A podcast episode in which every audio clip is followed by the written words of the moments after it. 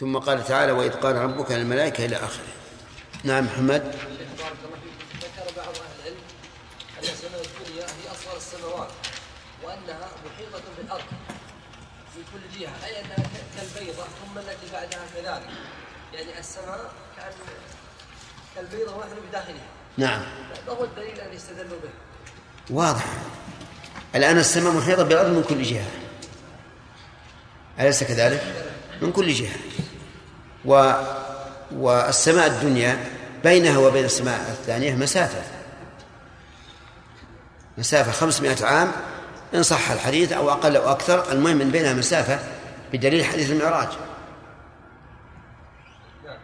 ثم عرج به إلى السماء الثانية ثم عرج به إلى السماء الثالثة وهكذا. وعلى هذا فتكون يكون الكون محيط محيطا بعضه ببعض إلى السماء السابعة. ولهذا سميت السدرة التي في التي هناك سدرة المنتهى لأن ينتهي إليها كل شيء. شيخ معنى هذا كأنه في دوائر صغيرة وأكبر وأكبر وأكبر. إي نعم. وش المعنى؟ كون عظيم هذا. نعم. شيخ السماوات عنده يعني جرم. إيش؟ عنده جرم ولا حرمان السماوات؟ السماوات جرم ما فيها شيء. جرم. له أبواب. إن الذين كذبوا بآياتنا واستكبروا عنها لا تفتح لهم أبواب السماء. نعم. الشيخ اللي قائل يقول ناسبت الآية لما قبلها أن تكون خلق السماوات واستواء الله على السماء ثم ذكر قصة آدم بعد كذا ثم ذكر إيش؟ ذكر قصة آدم بعد هذه الآية نعم. التي تتضمن خلق السماوات. والدليل على البحث والله ما-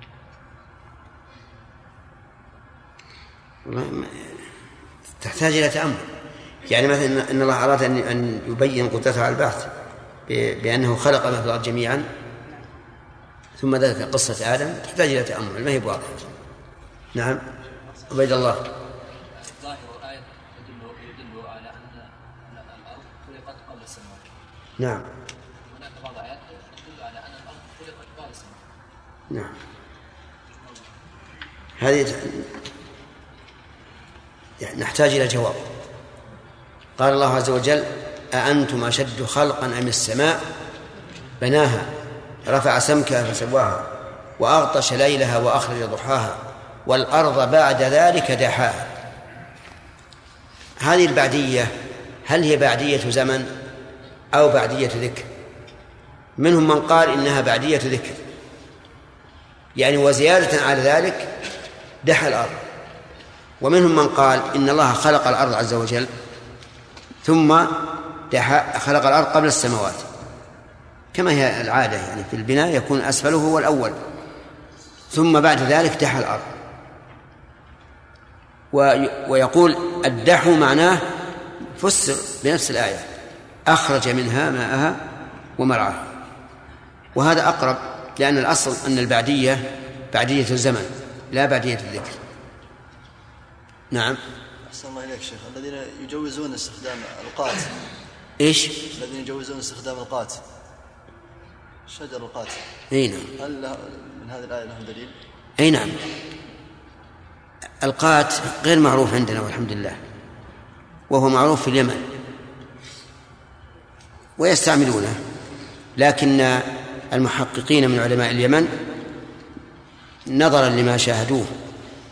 من ما- مما يحدث منه يرون أنه حرام وأنه لا يحل.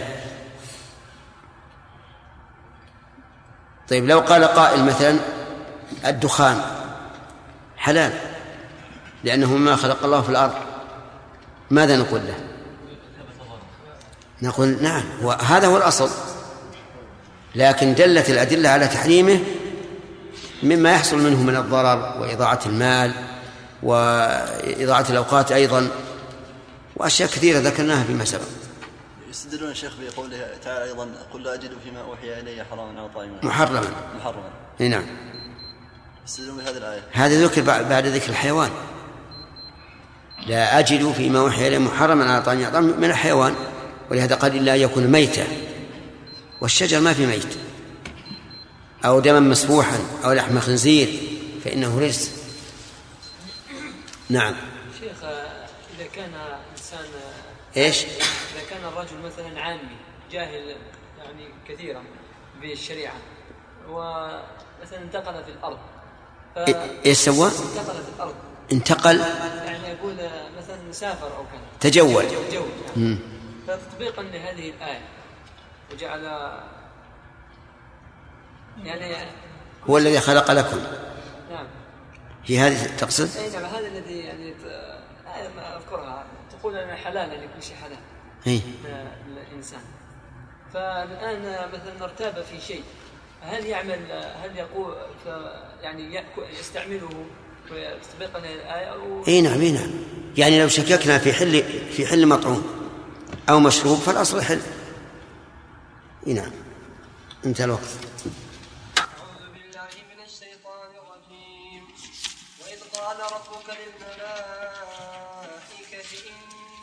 جاعل في الأرض خليفة. قالوا أتجعل فيها من يفسد فيها ويسفك الدماء ونحن نسبح بحمدك ونقدس لك. قال إني أعلم ما لا تعلمون. وعلم آدم الأسماء كلها ثم عرضهم على الملائكة فقال أنبئوني بأسماء هؤلاء إن كنتم صادقين. قالوا سبحانك سبحانك لا علم لنا إلا ما علمتنا إنك أنت العليم الحكيم. قال يا آدم أنبئهم بأسمائهم. فلما أنبأهم بأسمائهم قال ألم أقل لكم إني أعلم غيب السماوات والأرض؟ وأعلم ما تبدون وما كنتم تكتمون. بس. أعوذ بالله من الشيطان الرجيم. قال الله تبارك وتعالى وإذ قال ربك للملائكة إني جاعل في الأرض خليفة إذ تأتي دائما في القرآن الكريم. قال المعربون وهي مفعول لفعل محذوف التقدير أذكر إذ قال فهي منصوبة بفعل محذوف. هذا هذا تقديره وإذ قال ربك للملائكة الخطاب في قول ربك للنبي صلى الله عليه وعلى آله وسلم. ولما كان الخطاب له صارت الربوبية هنا من أقسام الربوبية إيش؟ الخاصة. إذ قال للملائكة اللام للتعدية أي تعدية القول للمقول له. والملائكة جمع ملأك وأصله مألك لأنه مشتق من الألوكة وهي الرسالة. لكن صار فيها إعلال بالنقل أي نقل حرف مكان مكان آخر. مثل أشياء أصلها شيئا. ولذلك قد تتعجب تقول كيف لا ينصرف أسماء جمع اسم؟ كيف ينصرف أسماء جمع اسم ولا ينصرف أشياء جمع شيء؟ والسبب في ذلك أن أسماء التي هي جمع اسم الهمزة فيها أصلية. وأن أشياء الهمزة فيها همزة التأنيث. طيب المهم الملائكة نقول مشتق من إيش؟ الألوكة وهي الرسالة. ولهذا قال الله تعالى جاعل الملائكة رسلا. والملائكة عالم غيبي خلقوا من نور لا يحتاجون إلى أكل وشرب.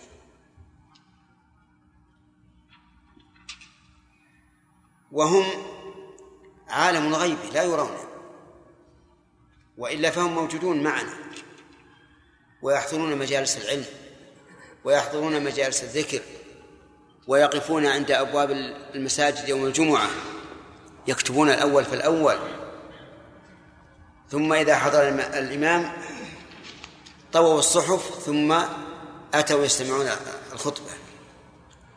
لكن هل نحن نراهم؟ لا نراهم. وهذه من حكمة الله عز وجل وابتلائه أن يخبرنا الله ورسوله عن هؤلاء بهذه الصفات ليبتلينا هل نؤمن أو أو لا نؤمن.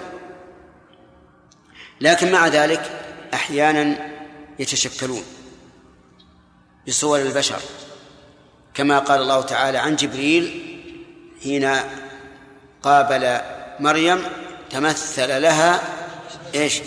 بشرا سويا. بشر عادي ما في شيء. وكما جاء جبريل إلى رسول الله صلى الله عليه وعلى آله وسلم وهو جالس في أصحابه بصورة رجل. كما قال عمر رضي الله عنه شديد شديد بياض الثياب شديد سواد الشعر لا يرى عليه أثر السفر ولا يعرفه من الصحابة أحد. وجلس إلى النبي عليه الصلاة والسلام جلسة المتأدب أسند ركبتيه إلى ركبتيه ووضع كفيه على فخذيه وسأله الأسئلة المعروفة. وكما أتى ملك الموت إلى موسى عليه الصلاة والسلام ليقبض روحه بصورة إنسان. وكان موسى عليه الصلاة والسلام شديدا قويا فصكه دفاعا عن نفسه لأنه لم يعلم أنه أنه رسول الله عز وجل وإلا لو علم ما فعل هذا. لكن كعادة البشر يدافع الإنسان عن نفسه. وكما ومعهود من موسى صلى الله عليه وسلم أنه رجل قوي شديد. لما استغاثه الذي من شيعته على الذي من عدوه وكزه وكزة واحدة فقضى عليه هلك. نعم. فعلى كل حال الملائكة الأصل الأصل فيهم أنهم عالم الغيبين قال لهم إني جاعل في الأرض خليفة. خليفة يخلف الله أو يخلف من سبقه أو يخلف بعضهم بعضا يتناسلون. أم ماذا؟ أما الأول فيحتمل أن الله تعالى أراد من هذه الخليقة آدم وبنيه أن يجعل منهم الخلفاء يخلفون الله تعالى في عباده بإبلاغ شريعته والدعوة إليها. لا عن جهل بالله سبحانه وتعالى وحاشاه من ذلك ولا عن عجز لكنه يمن على من يشاء من عباده كما قال تعالى يا داود إنا جعلناك خليفة في الأرض فاحكم بين الناس. هو خليفة يخلف الله في الحكم بين, بين عباده. وكذلك أيضا يخلفون من سبقهم. خليفة يخلفون من سبقهم. وعلى هذا فتكون خليفة هنا على هذا الاحتمال بمعنى الفاعل أو المفعول الفاعل. وعلى الأول بمعنى المفعول. أو أنه يخلف بعضهم بعضا. بمعنى أنهم يتناسلون. هذا يموت وهذا يحيا. وعلى هذا التقدير أو على على هذا التفسير تكون خليفة صالحة لاسم الفاعل واسم المفعول. كل هذا محتمل وكل هذا واقع. لكن قول الملائكة أتجعل فيها من يفسد فيها ويسفك الدماء؟ يدل على أنهم خليفة لمن؟ إيش؟ لمن سبقهم وأنه كان على الأرض. مخلوقات قبل ذلك تسفك الدماء وتفسد فيها. فسألت الملائكة ربها عز وجل أيجعل فيها من يفسد فيها ويسفك الدماء؟ ونحن نسبح بحمدك ونقدس لك. قال إني أعلم ما لا تعلمون. يعني وستتغير وستتغير الحال. ولا تكون ولا تكون ولا تكون تكون كالتي سبقت. وقولهم ونحن نسبح بحمدك. نسبح بمعنى ننزه. والذي ينزه الله عنه شيئان. أولا النقص. والثاني النقص في كماله. وزد ثالثا إن شئت مماثلة المخلوقين. كل هذا ينزه الله عنه. النقص يعني كل صفة نقص لا يمكن أن يوصف الله بها أبدا. لا وصفا دائما ولا خبرا. الثاني إيش؟ النقص في كماله. فلا يمكن أن يكون في كماله نقص. قدرته لا يمكن أن يعتريه عجز. قوته لا يمكن أن يعتريها ضعف. علمه لا يمكن أن يعتريه نسيان. وهلم جرا ولهذا قال عز وجل ولقد خلقنا السماوات والأرض وما بينهما في ستة أيام وما مسنا من لغوب لا قليل ولا كثير. فهو عز وجل كامل الصفات لا يمكن أن يعتري كماله نقص. الثالث عن مماثلة المخلوقين. مماثلة يا محمد انتبه لها. مماثلة ولا تقل مشابهة عن مماثلة المخلوقين. هذه إن شئنا أفردناها بالذكر لأن الله تعالى أفردها بالذكر. فقال ليس كمثله شيء. وقال وله المثل الأعلى. وقال فلا تضربوا لله الأمثال. وإن شئنا جعلناها داخلة في أي الأقسام القسم الأول النقص. لأن تمثيل الخالق بالمخلوق يعني النقص. بل إن المفاضلة بين الكامل والناقص تجعل الكامل ناقصا كما قال القائل ألم ترى أن السيف إيش؟ ينقص قدره؟ متى؟ إذا قيل إن السيف أمضى من العصا لو قلت فلان عنده سيف أمضى من العصا ماذا تقول يا فهيد؟ يتبين لك أن السيف هذا قوي ولا ردي؟ ردي.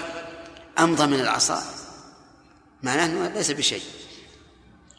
فربما ندخل هذا القسم الثالث ربما ندخله في القسم الأول وهو النقص. على كل حال التسبيح ينبغي لنا. عندما نقول سبحان الله أو أسبح الله أو ما أشبه ذلك. ينبغي لنا أن نستحضر هذه المعاني. يعني لا نقولها على أنها ذكر نقولها على أنها ذكر وعلى العين والرأس لكن نستحضر ما دلت عليه من المعاني وأنك إذا قلت سبحان الله فالمعنى أن الله عز وجل منزه عن كل نقص منزه عن كل عيب منزه عن نقص في كماله. وقوله بحمدك نسبح بحمدك. قال العلماء إن الباء هنا للمصاحبة أي تسبيحا مصحوبا بالحمد. معنى؟ مصحوبا بالحمد. فيكون هذه فتكون الجملتان تتضمن التخلية وإيش؟ والتحلية. يعني نفي النقص وإثبات الكمال لأن الحمد وصف المحمود بالكمال. ولا تقل هو الثناء بالجميل على الفعل الاختياري كما يقول بعض المتكلمين بل هو وصف المحمود بالكمال. زد على ذلك محبة وتعظيما. فإن وصفت مرة أخرى بكمال فسمه ثناء. والدليل على هذا ما جاء في الحديث الصحيح إن الله تعالى قال قسمت الصلاة بيني وبين عبدي نصفين فإذا قال الحمد لله رب العالمين قال حمدني عبدي وإذا قال الرحمن الرحيم قال أثنى علي عبدي. ونحن نسبح بحمدك ونقدس لك. وقدم التسبيح على الحمد من أجل أن التخلية تكون قبل التحلية. يعني نفي النقص يكون قبل إثبات الكمال. من أجل أن يرد الكمال على محل خال من النقص. نسبح بحمدك ونقدس لك. وقول نقدس لك. التقديس معناه التطهير. وهو أمر زائد على التنزيه. لأن التنزيه تبرئة وتخلية. والتطهير أمر زائد. ولهذا نقول في دعاء الاستفتاح اللهم باعد بيني وبين خطاياي كما باعدت بين المشرق والمغرب. اللهم نقني من خطاياي كما ينقى الثوب الأبيض من الدنس اللهم اغسلني من خطاياي بالماء والثلج والبرد. فالتقديس يعني التطهير. فيجمع الإنسان بين تنزيه الله عز وجل عن كل عيب ونقص وتنزيه وتطهيره. أنه لا أثر إطلاقا لما يمكن أن يعلق في الذهن من من نقص. ونقدس لك اللام هنا للاختصاص فتفيد الإخلاص وهي أيضا للاستحقاق لأن الله جل وعلا أهل لأن يقدس. ماذا أجابهم الله؟ قال إني أعلم ما لا تعلمون. قف ما بعد هذا الكلام؟ إني أعلم ما لا تعلمون. ما هنا اسم موصول أو نكرة موصوفة. هل المعنى إني أعلم شيئا لا تعلمونه؟ أو أو المعنى إني أعلم الذي لا تعلمون؟ تحتمل هذا وهذا وهي صالح لهذا وهذا. طيب أعلم ما لا تعلمون وسوف تتغير الحال. في هذه الآية الكريمة إثبات القول لله عز وجل وإذ قال ربك للملائكة وهذا هو الذي عليه السلف الصالح. أن أننا نؤمن بأن الله تعالى له قول يقول. وإثبات أن قوله بحرف وصوت. من أين أخذنا أنه بحرف؟ من قوله إني جاعل في الأرض خليفة. وجملة إني جاعل مقول القول وهي حروف. إني جاعل في الأرض خليفة. ونأخذ أنه بصوت أنه قال للملائكة أي قولا واصلا إلى الملائكة ولا يمكن أن يكون قول واصلا إلى الملائكة إلا إذا كان إيش؟ بصوت وهو كذلك. ثم الصوت قد يكون خفيا وقد يكون قويا لقوله تعالى وناديناه من جانب الطور الأيمن وقربناه نجيا. وهذا هو الذي عليه أهل السنة وهو الحقيقة هو غاية الكمال لله عز وجل بل هو من أعظم صفات الكمال أن يكون عز وجل متكلما بما يشاء كونا وشرعا. فكل ما يحدث في الكون فهو كائن بكلمة. الدليل؟ إنما أمره إذا أراد شيئا أن يكون أن يقول له كن فيكون وكل شيء فهو مراد لله. إذا كل شيء فهو بقول. وأما القول الكوني آه، الشرعي فهو ما أنزله الله على الرسل. ومن فوائد الآية الكريمة أن الملائكة ذو عقول. أن الملائكة ذو عقول. وجهه أن الله تعالى وجه إليهم الخطاب. وأجابوا. ولا يمكن أن يوجه الخطاب إلا لمن يعقله ولا يمكن أن يجيبه إلا من يعقل. الكلام والجواب عليه. خلافا لمن قال إن الملائكة لا يوصفون بذلك أو قال إنهم عقول لا أجسام ومن فوائد الآية الكريمة إثبات الفعل الاختياري لله عز وجل. وهذا يتكرر عليكم كثيرا. فما معنى الفعل الاختياري؟ معناه أن من أهل البدع من يقول إن الله لا تقوم به الأفعال الاختيارية. فلا يجيء ولا ينزل ولا يستوي ولا يتكلم ولا يضحك ولا يفرح ولا يعجب. لأن هذه أمور اختيارية تقع بالمشيئة و و ولو صح أن يوصف الله به بها لكان حادثا. لأن هذه حوادث والحوادث لا تقوم إلا بحادث. قياس فاسد في مقابلة نص وسبحان الله العظيم ما أعظم أن يصف الله عز وجل بأنه لا يفعل. هذا أكبر عيب. أن يكون الرب عز وجل لا يفعل. ولهذا فسر بعض السلف الحي في قوله تعالى الحي القيوم قال الحي هو الفعال. هو الفعال. لأن من كمال الحياة أن يفعل ما يشاء. وإذا لم يفعل ما يشاء فهو ناقص لا شك. فهؤلاء والعياذ بالله سلبوا بعقولهم الواهية الضعيفة الفاسدة سلبوا سلبوا الله عز وجل كماله. أضف إلى هذا القول إذن ينفون عن الله القول والفعل. لأنه لأنه ما يتكلم لا يتكلم كلاما اختياريا فنفى عن الله القول والفعل. وش بقي؟ ما بقي شيء. ما بقي شيء. هذا أكبر نقص يوصف الله به أن يقال لا يتكلم ولا ولا يفعل. وهذه الآية تدل على ثبوت الأفعال. إني جاعل وجاعل اسم فعل اسم فاعل. للمستقبل ولا للماضي؟ ما دليلكم عن المستقبل؟ لا. أنها نصبت.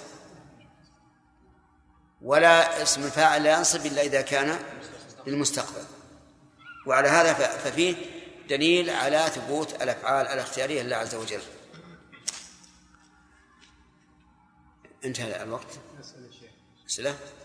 شيخ بارك الله فيك. كثير من أئمة التفسير آه، يذهبون إلى الاحتمال الأول الذي قلناه أن الله عز وجل أن خليفة هنا بمعنى خليفة عن الله. نعم. وماشوا على هذا. لكن آه، قرأت لشيخ الإسلام ابن تيمية إنكار شديد على هذا القول ويقول لا يكون الخليفة لا يعني يستخلف إلا من كان مثلا ناقصا أو يحتاج إلى أو غائبا أو كذا. لا لا مو صحيح. الشيخ له كلام غير هذا. ش- أنا أنا قرأت شيء إيه يمكن له كلام آخر في موضوع ثاني. إنما نقول نحن إيه، كما قال إني يا داود إن جعلناك خليفة في الأرض. والذي قلته يا شيخ يعني فنقول. الآية فيها احتمال للثلاثة؟ لكن ماذا نقول عن قول شيخ الإسلام؟ أما التف- التفسير الذي ذكرتموه ما نق- نقول هذا له, له, له كلام في موضوع آخر. أو ربما أن ما ما هو ليس الكتاب بين, يدي الآن عشان نشوف قد يكون هناك قرائن تدل على أن المقام مقام إنكار. من أجل تفسير هؤلاء. نعم. شيخ آه، قدس يا شيخ. مقدس. نعم. البيهقي ذكر شيخ. قدوس معنى إنه وصف بصفات الكمال هذا المعنى. أي نعم. الطاهر. صار عكس القدوس يعني الطاهر من كل من كل عيب يمكن صفة إثبات ما هي إيش؟ ما هي- إثبات. إيش؟ إثبات صفات الكمال يعني. أخبار؟ إثبات. إثبات. صفات الكمال. عكس التسبيح. لأنه ما يمكن يوجد صفة نقص آه، صفة منفية عن الله إلا وهي متضمنة للكمال. ما في ما في نفي إذا قال قلتم أن الملائكة عقول استدلتم بتوجه الخطاب إليهم واستيعابهم طيب يا شيخ إذا قال النملة استوعبت التصرف سليمان قال يا أيها النمل ادخلوا مساكن تخاطب ربعة. إيه يا شيخ بس أنا كنت أتوقع أنك, أنك تقول إن الله قال الأرض ائتيا. طوعا أو كرها قالت أتينا طاعين فنقول هذه المخلوقات بالنسبة لله عز وجل كلها لها عقول. كلها لها عقول. والأصل أن من يخاطب الله فهو عاقل لكن إذا عاد صار هناك أشياء تدل على أن العقل بالنسبة لمخاطبة الله له فقط عملنا به. وإلا فالأصل أنه لا يخاطب إلا من يعقل. ما يسقط لأن الذي أخرج الأرض عن ذلك هو أن نشاهد أن نشاهدها ما هي عاقلة؟ لكن بالنسبة لخطاب الله عاقلة. نعم. أسألك الله شيخ. قولنا بأن الملائكة ذوي عقول. هل يستلزم هذا أن يكونوا ذوي قلوب أيضا؟ لا نفس الآية. إيه، لا ما يستلزم لأن يا شيخ الله عز وجل قال أن لهم قلوب لا يفقهون بها. إيه، من يخاطب؟ يخاطب الناس. يخاطب الناس. وفي موضع شرح كتاب التوحيد أن يقول الله عز وجل حتى إذا فزع عن قلوبهم. نعم. أثبتتم أثابكم الله أنه يؤخذ من هذه الآية أن للملائكة قلوب. نعم. الله الله لا يثبت بذلك لكن ليست القلوب قد يقال إن القلوب بمعناه هنا القلب المعنوي. لأن مشهور عند السلف أن الملائكة صمت. ما لهم أجواف. ولهذا لا يأكلون ولا يشربون ولا يحتاجون للأكل والشرب. ما الذي المعنوي؟ إي نعم. القلب المعنوي نعم. لكن قوله تعالى ولكن تعمل القلوب التي في الصدور هذا القلب الحس. لأنه وصفها بمكانها.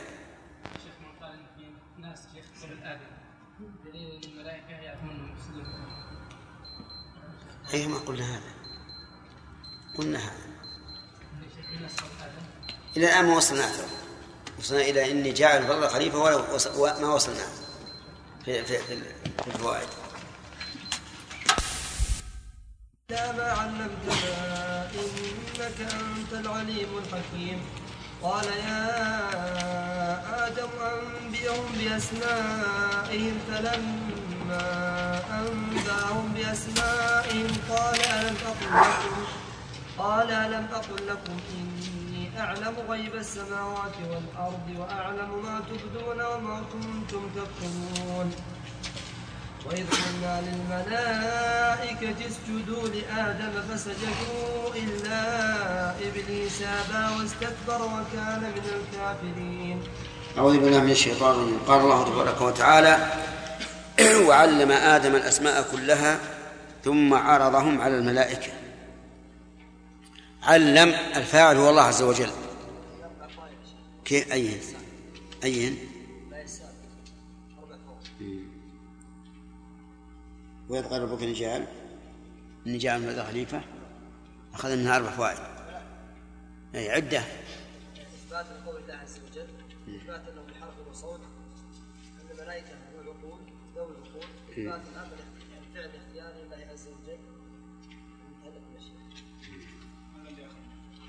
طيب.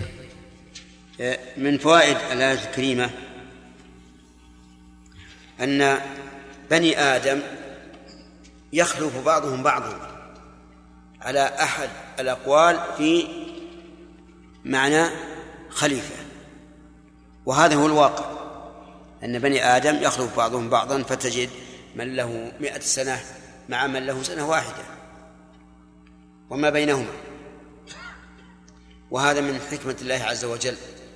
لأن الناس لو بقوا من ولد بقي لضاقت الأرض بما رحبت ولما استقامت الأحوال ولا حصلت الرحمة للصغار ولا الولاية عليهم إلى غير ذلك من المصالح العظيمة. ومن فوائد الآية الكريمة آه، قيام الملائكة بعبادة الله عز وجل. لقولهم ونحن نسبح لك نسبح بحمدك ونقدس لك. ومنها كراهة الملائكة للإفساد في الأرض لقولهم أتجعل فيها من يفسد فيها ويسفك الدماء؟ ومن فوائد هذه الآية أن وصف الإنسان أن وصف الإنسان نفسه بما فيه من الخير لا بأس به.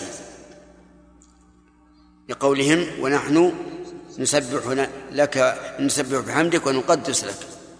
فإذا كان مراد مجرد الخبر فلا بأس.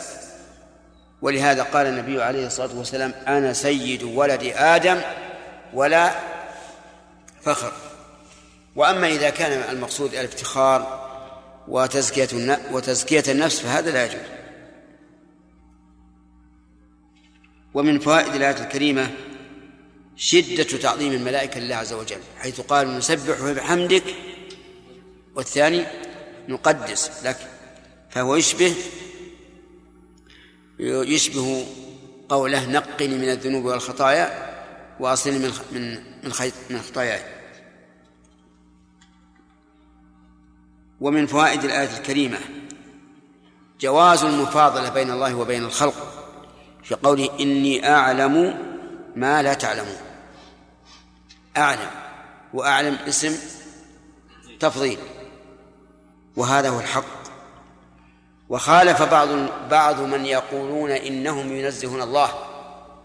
وقالوا أعلم ليست على بابها بل هي بمعنى عالم. وما علموا أنهم إذا فسروها بعالم صار هذا أشد تنقصا لله. لأن كلمة عالم لا تمنع المشاركة. ومن المعلوم أن الخلق فيهم من هو من هو عالم. كما قال الله تبارك وتعالى والله أخرجكم من بطون أمهاتكم لا تعلمون شيئا وجعل لكم السمع والأبصار والأفئدة لعلكم تشكرون. وقال لنبيه محمد عليه الصلاة والسلام علمك ما لم ما لم ما لم تكن تعلم. وقال تعالى فإن علمتموهن مؤمنات فلا ترجعوهن. وعليه فنقول أعلم هنا على على بابها. كما يقال إن الله أرحم الراحمين أرحم الراحمين. وفي القرآن وفي القرآن الكريم أليس الله بأحكم بأحكم الحاكمين. استنباط فوائد ما في أسئلة. أي أي أحسنت هذا اللي تريد كمال؟ ها. على كل حال خير إن شاء الله. توهمنا فيه خير. أعلم؟ لا بأس. أن نقول إن ربك هو أعلم بمن ضل عن سبيله وهو أعلم بالمهتدين. أقول بعض العلماء فسر أعلم بمعنى عالم وقال إنه لا تجوز المفاضلة بين الله وبين الخلق في الصفات. ولكن هذا قول باطل لأن الأدلة تدل على بطلانه أما الآية التي معنى إني أعلم فهي كما قال الأخ طاهر هي فعل مضارع. نعم.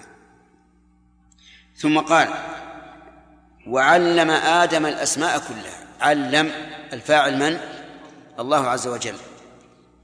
وآدم هو أبو البشر. إيش؟ أيهن؟ أي هي الفائدة الأخيرة في مساء أعلم؟ نعم. لكنها فيها فائدة لكم لكنها ما ما تلحق بالتفسير وعلم آدم الأسماء كلها علم الله تعالى آدم وهو أبو البشر الأسماء كلها. الأسماء. ال هنا هل هي للعموم كما يفيده قوله كلها أو هي لعموم ما تقدم يا عبد الحميد؟ تقدم يا أخي. حجاج ما ما جاء. البارح ما جاء انتهى الدرس وهو ما جاء. آه، الأسماء أي أسماء ما حضر. أسماء ما حضر. بدليل قوله أنبئوني بأسماء هؤلاء. وقوله الأسماء كلها أي كل الحاضرة. وذلك أن الله تعالى خلق أشياء وقال لآدم هذه كذا وهذه كذا وهذه كذا مما يحتاج إليه مع بنيه. ثم عرضهم عرضهم. الميم هنا علامة الجمع. ولا تكون إلا لما يعقل. والأسماء ليست تعقل. فكيف الجواب؟ الجواب أن نقول إنه عارض المسميات ولم يعرض الأسماء. لقوله أنبئوني بإيش؟ بأسماء هؤلاء. فيكون هنا عرضهم أي عارض المسميات على الملائكة. وقال أنبئوني بأسماء هؤلاء. فلم يعلموا. ما عرفوا. قالوا سبحانك لا علم لنا إلا ما علمتنا. ثم قال يا آدم أنبئهم بأسمائهم. وأراد بذلك عز وجل أن يعرف الملائكة أنهم ليسوا محيطين بكل شيء علما وأنه يفوتهم أشياء يفضلهم آدم فيها. فقال أنبئوني بأسماء هؤلاء. أنبئوني هذه هل هي فعل أمر يراد به قيام المأمور بما وجه إليه أو يتحدي الظاهر الثاني أنا أتحدي. إن كنتم صادقين أن لديكم علما في الأشياء فأنبئوني بأسماء هؤلاء. لأن الملائكة قالت فيما سبق أتجعل فيها من يفسد فيها ويسفك الدماء ونحن نسبح بحمدك ونقدس لك. فقال الله إني أعلم ما لا تعلمون. ثم امتحنهم بهذا بهذا. قالوا نعم. فقال أنبئوني بأسماء هؤلاء إن كنتم صادقين. هؤلاء المشار إليه من المسميات. الحاضرة إن كنتم صادقين في أن لديكم علما. قالوا سبحانك. لا علم لنا إلا ما علمتنا. تنزيها لك عن عن العبث وعن السفه. فأنت يا ربنا لم تفعل هذا إلا لحكمة عظيمة. وقوله لا علم لنا إلا ما علمتنا. اعتراف من الملائكة أنهم ليسوا يعلمون إلا ما علمهم الله. هذا مع أنهم ملائكة مقربون إلى الله ومع ذلك لا يعلمون إلا ما علمهم الله عز وجل. إنك أنت العليم الحكيم. إنك الجملة هذه مؤكدة بإن وبأن الذي هو ضمير الفصل.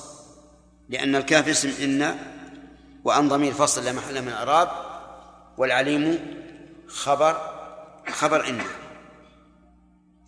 إنك أنت العليم يعني ذا العلم الواسع الشامل المحيط بالماضي والحاضر والمستقبل.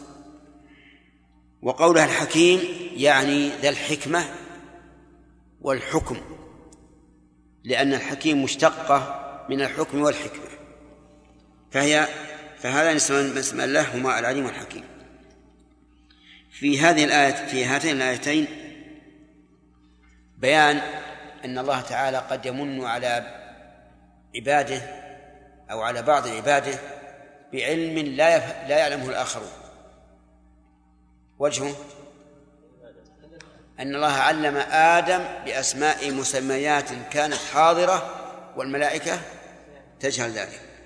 ومنها أن اللغات توقيفية وليست تجريبية. توقيفية يعني معناه أن الله هو الذي علم الناس إياه ولولا تعليم الله إياها ما فهموها. وقيل إنها تجريبية. بمعنى أن الناس كونوا هذه الحروف والأصوات من التجارب. فصار الإنسان أولا أبكم لا لا يدري ماذا يتكلم لكن يسمع صوت الرعد يسمع حفيف الأشجار يسمع آه، صوت الماء وهو يسري على الأرض وما أشبه ذلك فاتخذ مما يسمع أصواتا تدل على مراده ولكن هذا غير صحيح. الصواب أن اللغات مبدأها توقيفي مبدأها توقيفي وكثير منها كسبي تجريبي. يعرفه الناس من من مجريات الأحوال. ولذلك تجد أن أشياء تحدث ما ليس لها اسم من قبل ثم يحدث الناس لها اسما إما من التجارب أو لغير ذلك من الأشياء.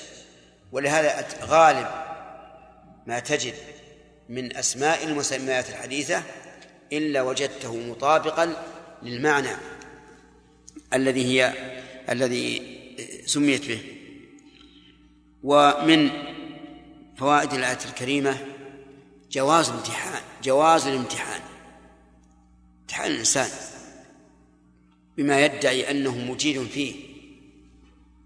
ونحن في هذه الأيام في زمن في زمن امتحانات نعم. وسيلقى عليكم أسئلة. يقال أخبروني بحكم كذا وكذا. نعم. امتحانا إن أجبتم لا علم لنا إلا ما علمتنا إنك أنت العليم الحكيم فأنتم أخذتم إيش؟ صفر. وإن أجبتم بما فتح الله عليكم فهذا عد كل في درجته نعم. ومن فوائد الآية الكريمة. آه، جواز آه، التحدي بالعبارات التي يكون فيها شيء من الشدة. لأنه لم يقتصر على قوله أنبئوني بأسماء هؤلاء بل قال إن كنتم صادقين ومن فوائد الآية الكريمة أن الملائكة تتكلم من أين تؤخذ؟ من قوله إيش؟ قالوا لا علم لنا وقوله أنبئوني أيضا بأسماء هؤلاء إن كنتم صادقين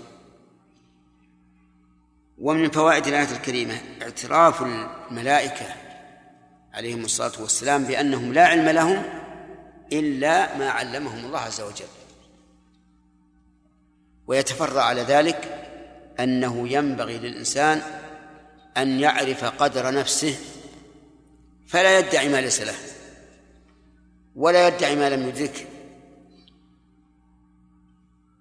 ومن فوائد الآية الكريمة آه، شدة تعظيم الملائكة لله عز وجل حيث اعترفوا بكماله وتنزيهه عن الجهل في قولهم سبحانك واعترفوا لأنفسهم بأنهم لا علم عندهم واعترفوا لله بالفضل في قوله إلا ما علمتنا. ومن فوائد فوائد الآية الكريمة إثبات اسمين من أسماء الله وهما العليم والثاني الحكيم. طيب آه، العليم من من الأسماء اللازمة أو المتعدية. متعدية يعلم ما بين أيديهم وما خلفهم. فهي من الأسماء المتعدية. يقول العلماء الاسم المتعدي لا يتم الإيمان به إلا بأمور ثلاثة إثباته اسما لله وإثبات ما دل عليه من صفة والرابع إثبات الحكم أو الأثر الذي يترتب على ذلك. فمثلا العليم نثبت العليم اسما من أسماء الله ولا بد نثبت العلم الذي دل عليه العليم وهي الصفة. نثبت الأثر الجنة أهلها خالدون فيها بإجماع أهل السنة أبد الآبدين. والنار كذلك على القول المتعين هو الراجح أنها لا تفنى أنها تفنى. قصدي أعوذ بالله. النار على القول المتعين أنها لا تفنى وأنها باقية أبد الآبدين. بنص كلام رب العالمين عز وجل. وقد بينا أن الله نص على ذلك في ثلاث آيات من كتاب الله وكررنا هذا كثيرا. وما كنا نظن أن أحدا من الناس يقول بأنها تفنى من أهل السنة والجماعة. وقد استغرب شيخنا عبد الرحمن المساعدي رحمه الله كون ابن القيم عفى الله عنه حاول أن يرجح القول بفنائها في كتاب شفاء العليم. وقال شيخنا إن هذه تعتبر كبوة من هذا الجواد وغلطا وغلطا عظيما. كتبه على على هامش الكتاب. ولا شك أن ما قاله شيخنا حق وأنه أن الإنسان يستغرب أن مثل هذا الفحم من العلماء يذهب هذا إلى تقوية هذا المذهب وإن كان لم يصرح بأنه اختاره لكن يذهب إلى تقويته مع أنه باطل بنص القرآن. إن الذين كفروا وظلموا ولم يكن الله ليغفر لهم ولا لهم طريقا إلا طريق جهنم خالدين فيها أبدا. وكان ذلك على الله يسيرا. وقال تعالى إن الله لعن الكافرين وأعد لهم سعيرا خالدين فيها أبدا لا يجدون وليا ولا نصيرا. وقال تعالى ومن يعص الله ورسوله فإن له نار جهنم خالدين فيها أبدا. كيف يصح لنا أو يستقيم لنا أن أن نقول إن الجنة تفنى إن النار تفنى؟ والله تعالى يقول خالدين فيها أبدا. وش. ما الفائدة من قوله أبدا؟ على كل حال مذهب أهل السنة والجماعة الذي يكاد يكون إجماعا هو أن النار لا تفنى كما أن الجنة لا تفنى بالاتفاق الواضح. وفي ويستفاد من الآية الكريمة أن الإنسان لو أمضى عمره بطاعة الله عز وجل راكعا ساجدا قائما لكان ذلك قليلا بالنسبة لهذا الثواب العظيم الذي يحصل له. في يوم يشقى فيه من يشقى من عباد الله ويكون في نار الجحيم والعياذ بالله فنسأل الله تعالى أن يعين وإياكم على ذكره وشكره وحسن عبادته. انتهى الوقت. انتهى الوقت. انتهى الوقت جزاكم الله خير. انتهى. أنت بدأت بالسؤال. نعم. لو قال المخالف إن المقصود بقوله عز وجل لئلا يكون للناس على الله حجة بعد الرسل أن ذلك في الشرائع وإلا فالحجة قائمة في الت- في التوحيد وفي أصول الدين بالميثاق والفطرة كما قال الله تعالى وإذ أخذ ربك من بني آدم من بني آدم من ظهورهم ذريتهم وأشهدهم على أنفسهم ألست بربكم؟ قالوا بلى. أن تقولوا قالوا بلى شهدنا. أن تقولوا يوم القيامة إنا كنا عن هذا غافلين. أو تقولوا إنما أشرك آباؤنا من قبل. نعم. فهنا أثبت أنه الميثاق الذي أخذ عليهم أن يؤمنوا بما جاءت به الرسل فلا بد من رسل لا بد من رسل والآية عامة رسلا مبشرين ومنذرين لئلا يكون الناس على الله حجة بعد الرسل عامة وما كنا معذبين حتى نبعث رسولا وما كان ربك مهلك القرى حتى يبعث في أمها رسولا يتلو عليهم آياتنا وما كنا مهلك القرى إلا وأهلها ظالمون. وما كان الله ليضل قوما بعد إذ بعد إذ هداهم حتى يبين لهم ما يتقون. والآيات في هذا كثيرة. نعم. أنا؟ هو تم الوقت الآن. عندنا درس جديد. خلوا الحصة الثانية إن شاء الله. القادمة قيد. البقرة. أعوذ بالله من الشيطان الرجيم. إن الله لا يستحيي أن يضرب مثلا ما بعوضة فما فوقها. فأما الذين آمنوا فيعلمون أنه الحق من ربهم. وأما الذين كفروا فيقولون ماذا أراد الله بهذا مثلا يضل به لا, لا كثيرا مثلا قف. وأما الذين كفروا فيقولون ماذا أراد الله بهذا مثلا يضل به كثيرا ويهدي به كثيرا وما يضل به إلا الفاسقين. الذين ينقضون عهد الله من بعد ميثاقه ويقطعون ما أمر الله به أن يوصل ويقطعون ما أمر الله به أن يوصل ويفسدون في الأرض. أولئك هم الخاسرون. كيف تكفرون بالله وكنتم أمواتا فأحياكم ثم يميتكم ثم يحييكم ثم يميتكم ثم يحييكم ثم إليه ترجعون. أعوذ بالله من الشيطان الرجيم. قال الله تعالى إن الله لا يستحي أن يضرب مثلا ما بعوضة فما فوق. لا يستحي أن يضرب مثلا ولو كان مثلا حقيرا ما دام يثبت به الحق فالعبرة بالغاية. وقوله أن يضرب مثلا ما كلمة ما هنا يقولون إنها نكرة واصفة أي مثلا أي مثل وقوله بعوضة عطف بيان. لما؟ أي مثلا بعوضة. مثلا بعوضة فما فوقها وقوله بعوضة البعوضة معروفة ويضرب بها المثل في الحقارة. وقد ذكروا أن سبب نزول هذه الآية أن المشركين اعترضوا كيف يضرب الله المثل بالذباب. في قوله تبارك وتعالى يا أيها الناس ضرب مثل فاستمعوا له.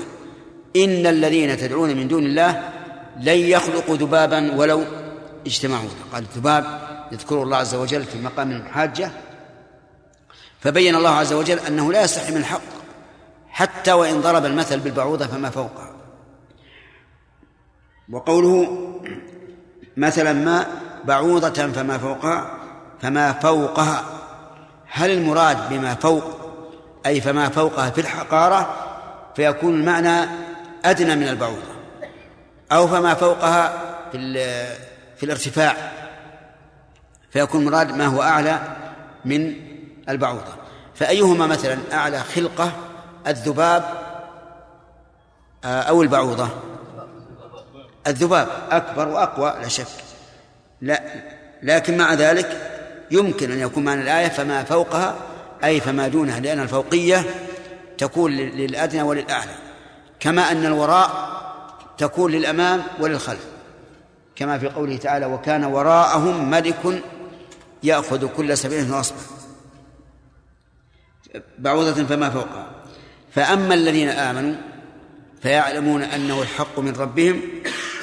فأما الذين آمنوا فيعلمون أنه أي المثل الذي ضربه الله الحق من ربهم ويؤمنون به ويرون أن فيه آيات بينات. وأما الذين كفروا فيقولون ماذا أراد الله بهذا مثلا؟ لأنه لم يتبين لهم الحق لإعراضهم عنه. وقد قال الله تعالى إذا تتلى عليه آياتنا قال أساطير الأولين كلا بل ران على قلوبهم ما كانوا يكسبون. وأما الذين كفروا فيقولون ماذا أراد الله بهذا مثلا ماذا أراد الله؟ كلمة ما هنا اسم موصول. استفهام. وذا اسم إشارة. أي ما هذا الذي ما هذا أراد الله. ولكن يقال إن ذا هنا اسم موصول. أي ما الذي أراد الله بهذا مثلا؟ كما كما قال ابن مالك ومثل ما ذا بعد ما استفهام أو من إذا لم تلغى في الكلام. فلنا في إعرابها وجهان أن نجعل ماذا؟ كلمة واحدة. ونقول كلها اسم استفهام. أو أن نجعل ما اسم استفهام مبتدأ والذي خبره. أي ما الذي أراد الله بهذا مثلا. نعم. لا نعم نعم لا ذا التي بمعنى الذي. نعم. ماذا أراد الله بهذا مثلا؟ ماذا أراد الله بهذا حال كونه مثلا؟ فمثلا هذه حال من ذا. قال الله تعالى يضل به كثيرا. هذا ليس من قول الذين كفروا. ولهذا ينبغي الوقوف على قوله ماذا أراد الله بهذا مثلا. يضل به أي بالمثل كثيرا ويهدي به كثيرا. فذكر الله عز وجل أن الناس في مقابلة الأمثال ينقسمون إلى قسمين. قسم يضل والعياذ بالله وقسم يهتدي. فمن الذي يضل؟ قال وما يضل به إلا الفاسقين لأن الله تعالى لا يضل أحدا إلا إذا كان في هذا الأحد إلا إذا كان فيه زيغ. كما قال تعالى فلما زاغوا أزاغ الله قلوبهم. فليس إضلال من يضل أو إضلال من فليس إضلال من يضله الله عز وجل لمجرد المشيئة بل لأنه ليس أهلا للهداية. فلما زاغوا أزاغ الله قلوبهم. وما يضل به إلا الفاسقين أي الخارجين عن طاعة الله. والمراد هنا الخروج المطلق الذي هو الكفر. لأن الفسق قد يراد بالكفر وقد يراد به ما دونه. ففي قوله تبارك وتعالى وأما الذين فسقوا فمأواهم النار المراد بالفسق هنا إيش؟ الكفر. وكذلك هنا المراد به الكفر. في هذه الآية الكريمة إثبات إيه نعم إثبات الحياء لله. لقوله إن الله لا يستحيي أن يضرب مثلا. وهل الحياء الذي الثابت لله كحياء المخلوق؟ لا. لأن حياء المخلوق انكسار لما يدهمه أي يدهم الإنسان ويعجز عن مقاومته فتجده ينكسر ولا يتكلم أو لا يفعل الشيء الذي يستحى منه. وقد جاء في السنة إثبات الحياء صريحا. في قول النبي صلى الله عليه وسلم إن الله حي كريم. ولكن كما كما هي القاعدة عندنا أن كل صفة أثبتها الله نفسه فهي مفارقة لصفات المخلوق لقوله تعالى ليس كمثله شيء وهو السميع البصير. ومن فوائد هذه الآية الكريمة أن الله تعالى يضرب الأمثال لأن الأمثال أمور محسوسة يستدل بها على الأمور المعقولة. انظر إلى قوله تعالى مثل الذين اتخذوا من دون الله أولياء كمثل إيش؟ العنكبوت اتخذت بيتا. هل هذا البيت يمنعها ويحدثها من كوارث الدهر؟ لا. وإن أوهن البيوت لبيت العنكبوت. وقال تعالى والذين يدعون من دونه لا يستجيبون لهم بشيء إلا كباسط كفيه إلى الماء ليبلغ فاه وما هو ببالغ. إنسان بسط كفيه إلى إلى الماء غدير مثلا أو نهر بسط كفيه هكذا إلى الماء يريد أن أن يصل الماء إلى فمه هذا لا يمكن. هؤلاء الذين يمدون أيديهم الأصنام كالذي يمد يديه إلى النهر ليبلغ فاه. فالأمثال لا شك أنها تقرب المعاني إلى الإنسان إما لفهمها أي لفهم المعنى وإما لحكمتها. وبيان وجه هذا المثل. ومن فوائد الآية الكريمة أن البعوضة من أحقر المخلوقات. لقوله بعوضة فما فوقها ومع كونها من أحقر المخلوقات فإنها تقض مضاجع الجبابرة. أليس كذلك؟ نعم. وربما تهلك. لو أن لو سلطت على الإنسان لأهلكته وهي هذه الحشرة الصغيرة المهينة. ومن فوائد هذه الآية الكريمة فضيلة الإيمان وأن المؤمن لا يمكن أن يعارض ما أنزله الله عز وجل بعقله. لقوله فأما الذين آمنوا فيعلمون أنه حق ولا يعترضون ولا يقول لما ولا كيف. يقولون سمعنا وآمنا وصدقنا. لأنهم يؤمنون بأن الله عز وجل له الحكمة البالغة فيما شرع وقدر. ومن فوائد الآية الكريمة إثبات الربوبية الخاصة لقوله من ربهم. واعلم أن ربوبية الله تنقسم إلى قسمين عامة وخاصة. وقد اجتمع في قوله تعالى قالوا عقيل.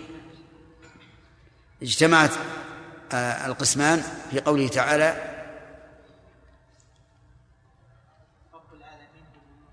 قالوا آمنا برب العالمين رب موسى وهارون. فالأول ربوبية عامة والثاني خاصة. كما أن مقابل ذلك العبودية تنقسم إلى عبودية عامة كما في قوله تبارك وتعالى إن كل من في السماوات والأرض إلا آتي الرحمن عبدا وخاصة كما في قوله تعالى آه، تبارك الذي ينزل الفرقان على عبده. ومن فوائد الآية الكريمة أن أن ديدن الكافرين الاعتراض الاعتراض على على حكم الله وحكمة الله. لقولهم لقوله وأما الذين كفروا فيقولون ماذا أراد الله بهذا مثلا؟ وكل من اعترض ولو على جزء من من من, من الشريعة ففيه شبه بالكفار. فمثلا لو قال لماذا ينقض الوضوء لحم الإبل ولا ينقض الوضوء لحم الحمار مثلا؟ ماذا نقول؟ ماذا نقول؟ نعم. نقول هذا اعتراض. هذا اعتراض. وهو دليل على نقص الإيمان. وأنما قلت ولا ينقض لحم الحمار لأن الحمار لحمه خبيث نجس. فلو أكله الإنسان للضرورة لم ينتقض وضوءه ولا غير الضرورة لا يجوز أكله. طيب ومن والدليل على أن الاعتراض على شريعة الله عز وجل وحكم من ديدن الكفار قوله إيش؟ وأما الذين في قلوبهم مرض فيقولون ماذا أراد الله بهذا مثلا؟ ومن فوائد الآية الكريمة أن لفظ الكثير لا يدل على الأكثر. لقوله يضل به كثيرا ويهدي به كثيرا. فهنا لو أننا أخذنا بظاهر الآية لكان الضالون والمهتدون سواء وليس كذلك. لأن بني آدم تسعمائة وتسعة وتسعون من الألف ضالون. وواحد من الألف مهتدي. فكلمة كثير لا يعني الأكثر. وعلى هذا لو قال إنسان عندي لك دراهم كثيرة وأعطاه ثلاثة. يصح؟ ليش؟ لأن الكثير يطلق على القليل وعلى وعلى وعلى الكثير. وعلى الأكثر يعني. طيب. ومن فوائد الآية الكريمة أن إضلال من ضل ليس لمجرد المشيئة بل لوجود العلة التي أثبتت أو التي كانت سببا في إضلال الله العبد لقوله وما يضل به إلا الفاسقين. ومن فوائد الآية الكريمة الرد على القدرية الذين قالوا إن أفعال العباد لا علاقة لها بفعل الله. بقوله وما يضل به إلا الفاسقين. وفيها أيضا رد على الجبرية لأن فسق هؤلاء الفاسقين كان سببا وبإرادته. فيكون فيها رد على الطائفتين القدرية النفاة والقدرية المثبتة.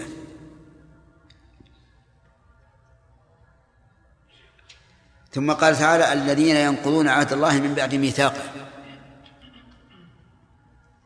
من بعد ميثاقه أي العهد الذي بينهم وبين الله عز وجل. وهو الإيمان بالرسل. إذا جاءتهم بالحق. فإن هذا مأخوذ على كل إنسان. إذا جاء رسول مصدق ومصدق بما معه من الآيات فإن الواجب على كل إنسان أن يؤمن به. هؤلاء نقضوا عهد الله ولم يؤمنوا برسله ويقطعون ما أمر الله به أن يوصل المراد إيش؟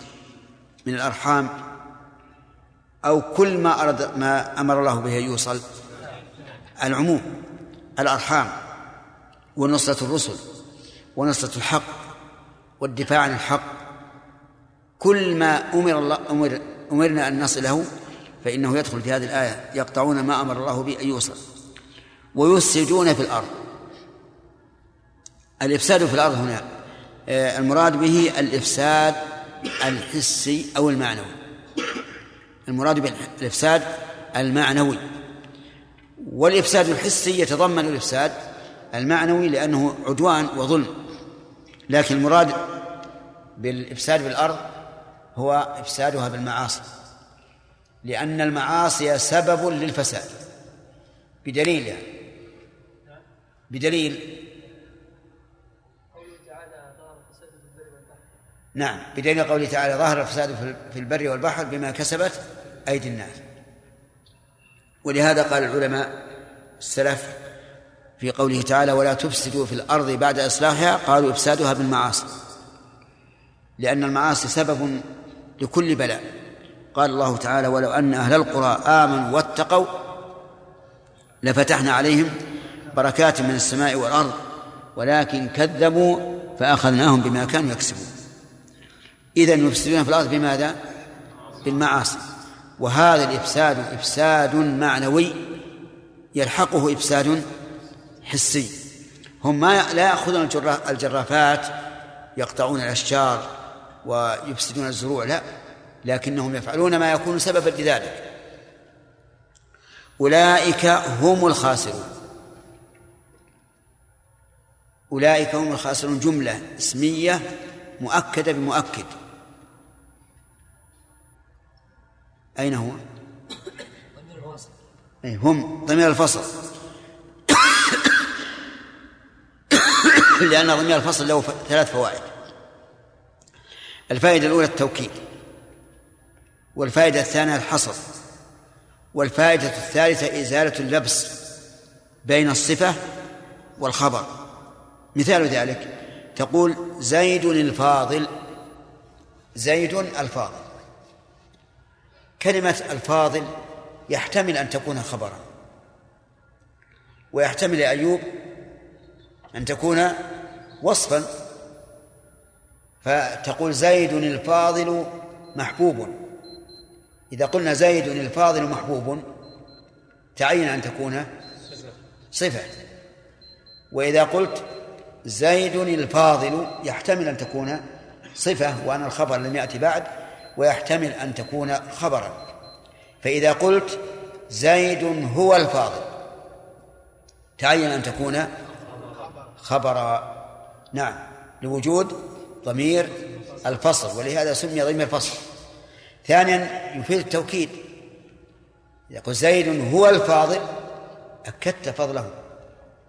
والثالث يفيد الحصر. طيب هل له محل من الإعراب؟ الجواب لا. كما في قوله تعالى لعلنا نتبع السحرة إن كانوا إيش؟ هم الغالبين. ولو كان له محل من الإعراب محل من الإعراب لقال هم الغالبون. فهو ليس له من الإعراب لكن أتي به في في الأسلوب العربي لهذه الفوائد الثلاث. وربما يضاف إليه اللام. إن هذا لهو البلاء المبين. فيكون في إضافة اللام إليه زيادة توكيد. نعم. وقول الخاسرون الخاسر هو الذي فاته الربح. وذلك لأن هؤلاء فأتهم الربح. الذي ربحه من؟ الذي ربحه من لم ينقض عهد الله من بعد ميثاقه ومن لم يقطع ما أمر الله به أن يوصل. في هذه الآية فوائد منها أن الفاسق منها أن نقض عهد الله من علامات الفسق يقول الذين ينقضون عهد الله من بعد ميثاقه. فكلما رأيت شخصا قد فرط في واجب أو ترى أو فعل محرما فإن هذا نقض للعهد من بعد الميثاق. ومنها التحذير من نقض عهد الله من بعد ميثاقه لأن ذلك يكون سببا للفسق. ومنها أيضا التحذير من قطع ما أمر الله به أن يوصل من الأرحام أي الأقارب وغيرهم. لأن الله ذكر ذلك في مقام الذم أي قطع أي ذكر قطع الصلة في مقام الذم. وصلة وقطع الأرحام من كبائر الذنوب. لقول النبي صلى الله عليه وسلم لا يدخل الجنة قاطع. يعني قاطع رحم. ومن فوائد الآية الكريمة أن المعاصي والفسوق سبب لفساد الأرض. لقوله تعالى ويفسدون في الأرض. ولهذا إذا قحط المطر وأجدبت الأرض ورجع الناس إلى ربهم وأقاموا صلاة الاستسقاء وتضرعوا إليه وتابوا إليه إيش؟ أغاثهم الله. وقد قال نوح لقومه عليه وقد قال نوح عليه السلام لقوله فقلت استغفروا ربكم إنه كان غفارا يرسل السماء عليكم مدرارا. ويمددكم بأموال وبنين ويجعل لكم جنات ويجعل لكم أنهارا فإن قال قائل أليس يوجد في الأرض من هم صلحاء قائمون بأمر الله مؤدون لحقوق عباد الله ومع ذلك نجد الفساد في الأرض؟ قلنا إن هذا الإيراد أوردته زينب رضي الله عنها على النبي عليه الصلاة والسلام حيث قال ويل للعرب من شر قد اقترب. قالت أنا أنهلك وفينا الصالحون؟ قال نعم. إذا كثر إيش؟ الخبث. وكثر الخبث يحتمل أنه وصف للفاعل ووصف للفعل. يعني إذا كثر الخبث حتى بين الصالحين. أو الخبث من من الناس أجمعين. فمثلا إذا كثر الكفار في أرض في, في أرض كان ذلك سببا للشر والبلاء. لأن الخبث كثر. وإذا كثرت أفعال المعاصي كان ذاك سببا أيضا للشر والبلاء. ومن فوائد الآية الكريمة أن هؤلاء الذين اعترضوا على الله ونقضوا عهده وقطعوا ما أمر الله بأن يوصل وأفسدوا في الأرض يظنون أنهم يحسنون صنعا ولكنهم حقيقة هم الخاسرون الذين خسروا الدنيا والآخرة. قال الله تبارك وتعالى قل إن الخاسرين الذين خسروا أنفسهم وأهليهم يوم القيامة. وقال تعالى والعصر إن الإنسان لفي خسر إلا الذين آمنوا وعملوا الصالحات وتواصوا بالحق وتواصوا بالصبر. جعلنا الله وإياكم من هؤلاء منه وكرمه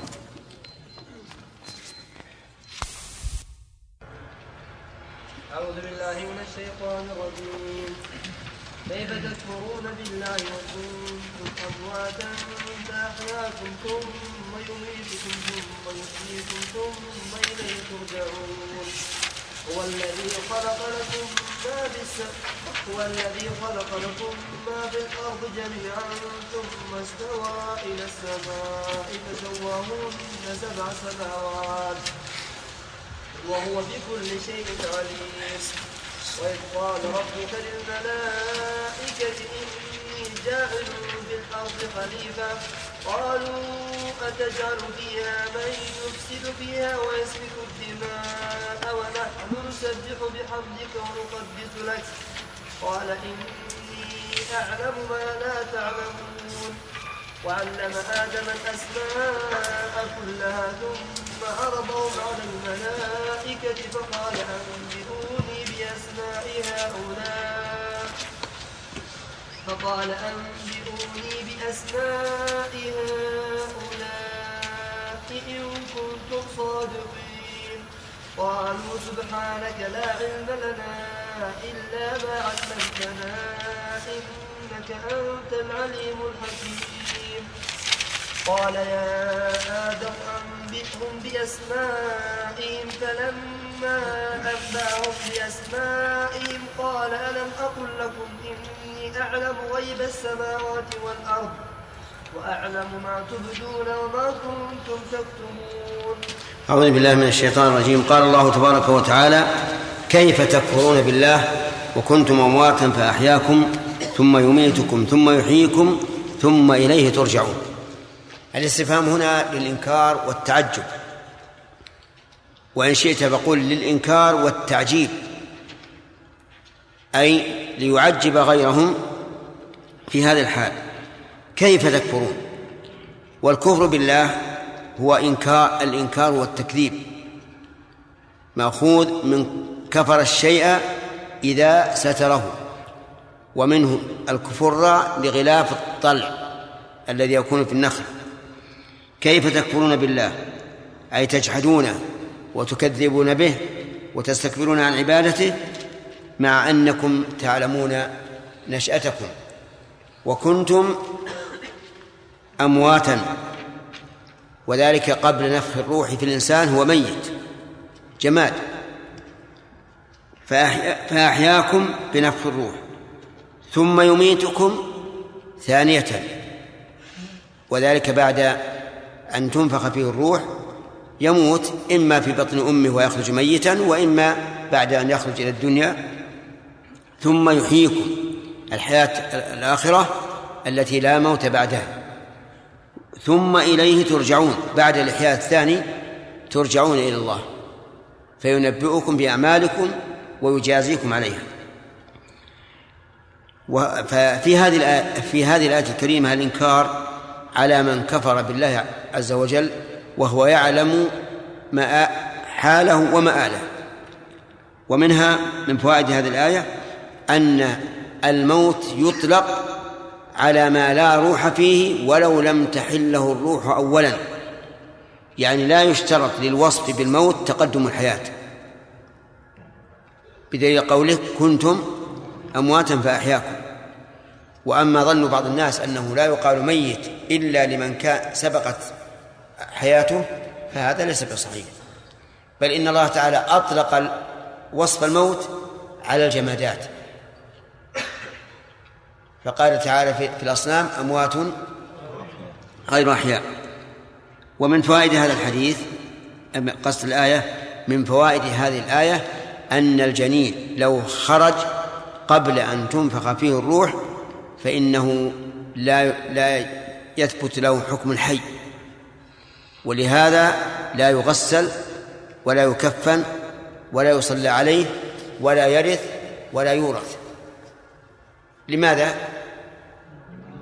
لأنه ميت جماد. ما استحق شيئا مما يستحق الأحياء. ومن فوائد هذه الآية الكريمة تمام قدرة الله عز وجل. فإن هذا الجسد الميت ينفخ الله فيه الروح فيحيا ويكون إنسانا يتحرك ويتكلم ويقوم ويقعد ويفعل ما ما أراد الله عز وجل. ومن فوائد هذه الآية الكريمة إثبات البعث لقوله بعد الموت الثانية ثم إليه ترجعون والبعث أنكره من أنكره من الناس واستبعده وقال من يحيي العظام وهي رميم فأقام الله تبارك وتعالى على إمكان ذلك ثمانية أدلة في سورة ياسين في آخرها. قل يحييها الذي أنشأها أول مرة. هذا هذا دليل على أنه يمكن أن يحيي العظام أن يحيي العظام وهي رميم. وقول أنشأها أول مرة دليل قاطع وبرهان جلي. على إمكان إعادتها كما قال الله تعالى وهو الذي يبدأ الخلق ثم يعيده وهو أهون عليه. طيب. وهو بكل خلق عليم. هذا دليل ثاني. يعني كيف يعجز عن إعادتها وهو سبحانه وتعالى بكل خلق عليم يعلم كيف يخلق الأشياء وكيف يكونها فلا يعجز عن إعادة الخلق. الذي جعل لكم من الشجر الأخضر نارا فإذا أنتم منه توقدون. الشجر الأخضر فيه البرودة وفيه الرطوبة والنار فيها الجفاف واليبوسة. هذه النار اليابسة الجافة تخرج من شجر بارد رطب. الذي جعل لكم من الشجر الأخضر نارا. كيف ذلك؟ كان الناس فيما سبق يضربون أغصانا من أشجار معينة. يضربونها بالزند شيء يسمى الزند عندهم. فإذا ضربوها انقدح قدحت نار.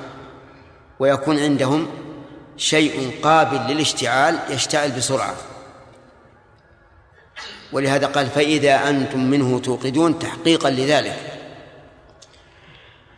هذا الشجر يختلف.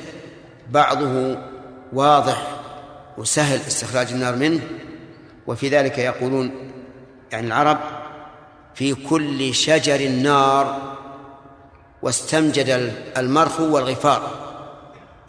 استمجد يعني على على غيره وصارت النار فيه أكثر.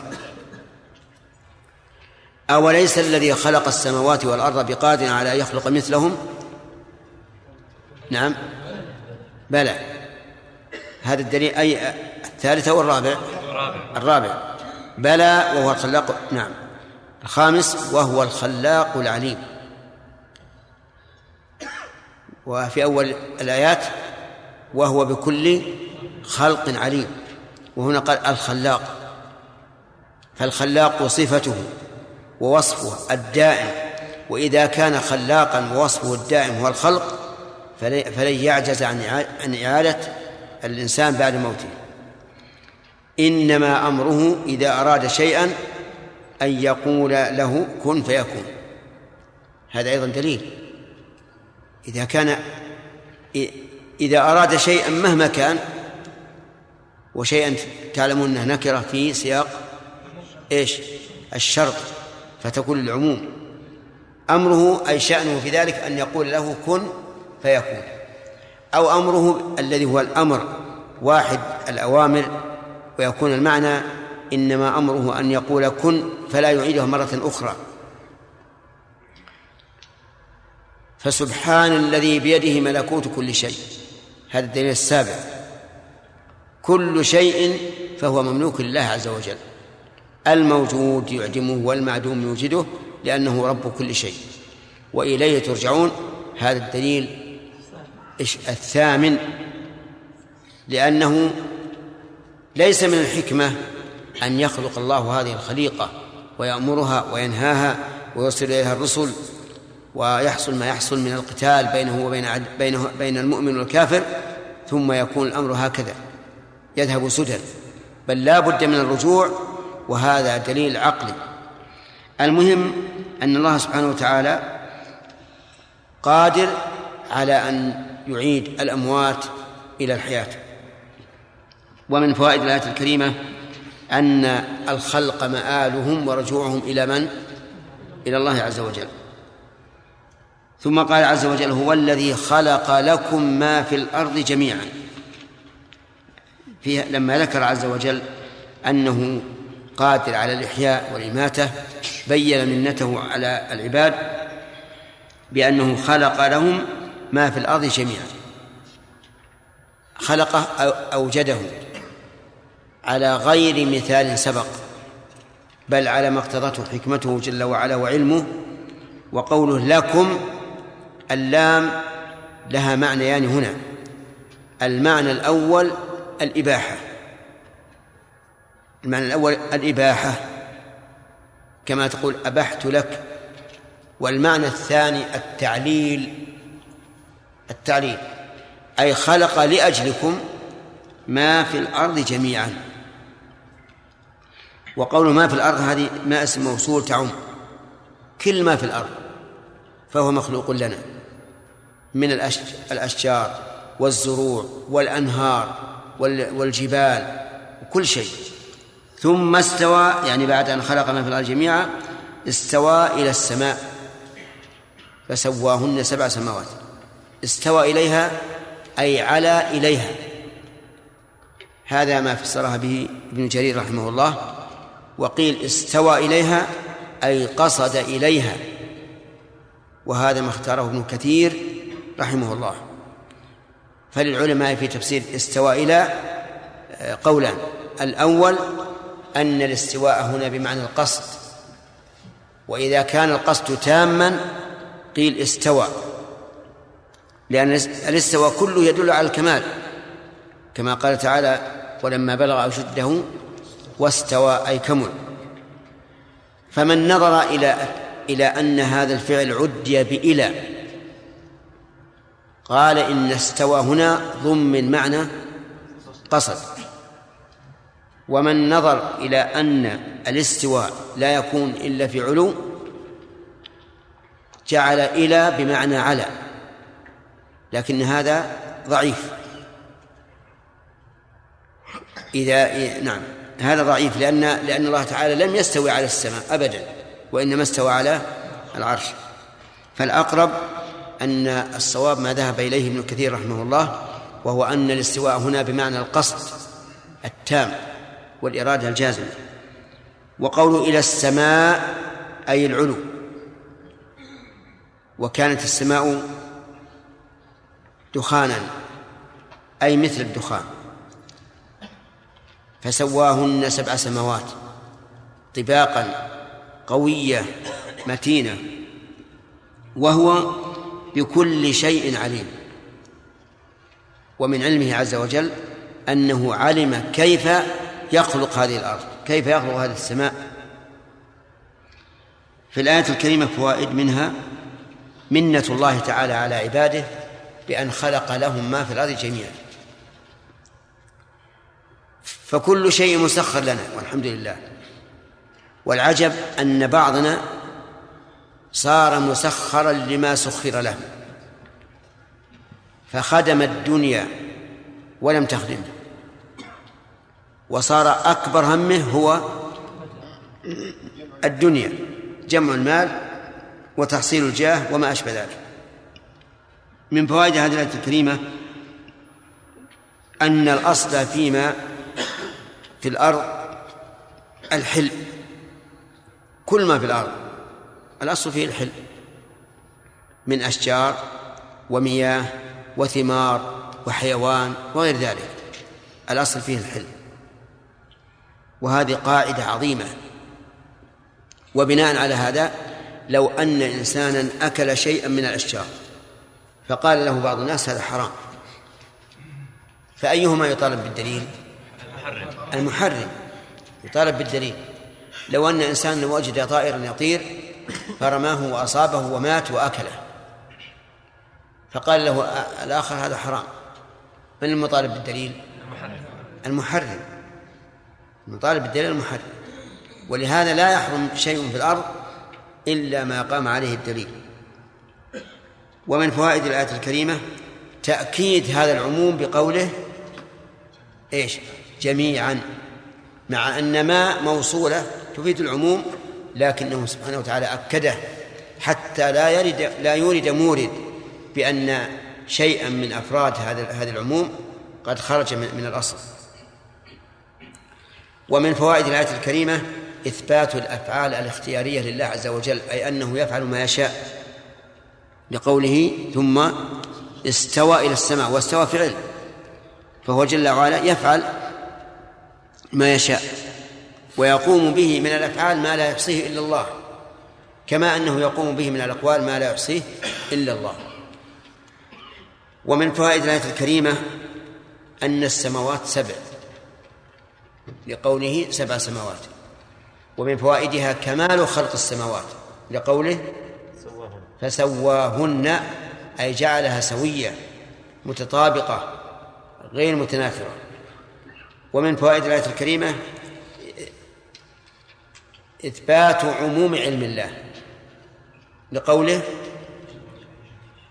وهو بكل شيء عليم. آه، لنا أن نستفيد فوائد مسلكية من هذه الآية. منها أن نشكر الله على هذه النعمة. أن خلق لنا كل ما في الأرض. كل ما في الأرض فهو مخلوق لأجلنا ومحلل لنا. فعلينا أن نشكر الله سبحانه وتعالى على هذه النعمة. كذلك أيضا من الفوائد المسلكية أن نخشى ونخاف. لماذا يا أخواننا؟ لأن الله بكل شيء عليم. فإذا كان الله عليما بكل شيء حتى ما نخفي في صدورنا أوجب لنا ذلك أن نحترس مما يغضب الله عز وجل سواء في أفعالنا أو في أقوالنا أو في أي شيء مما يتعلق بنا. ثم قال تعالى وإذ قال ربك للملائكة إلى آخره.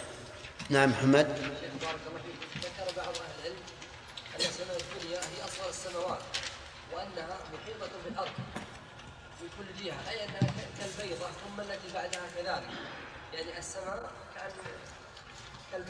بداخلها نعم. هو الدليل الذي استدلوا به؟ واضح. الآن السماء محيطة بالأرض من كل جهة. أليس كذلك؟ من كل جهة. و والسماء الدنيا بينها وبين السماء الثانية مسافة. مسافة خمسمائة عام إن صح الحديث أو أقل أو أكثر المهم من بينها مسافة بدليل حديث المعراج. قال ثم عرج به إلى السماء الثانية ثم عرج به إلى السماء الثالثة وهكذا. وعلى هذا فتكون يكون الكون محيط محيطا بعضه ببعض إلى السماء السابعة. ولهذا سميت السدرة التي في التي هناك سدرة المنتهى. لأنه ينتهي إليها كل شيء. شيخ معنى هذا كأنه في دوائر صغيرة وأكبر وأكبر وأكبر. إي نعم. وش المعنى؟ كون عظيم نعم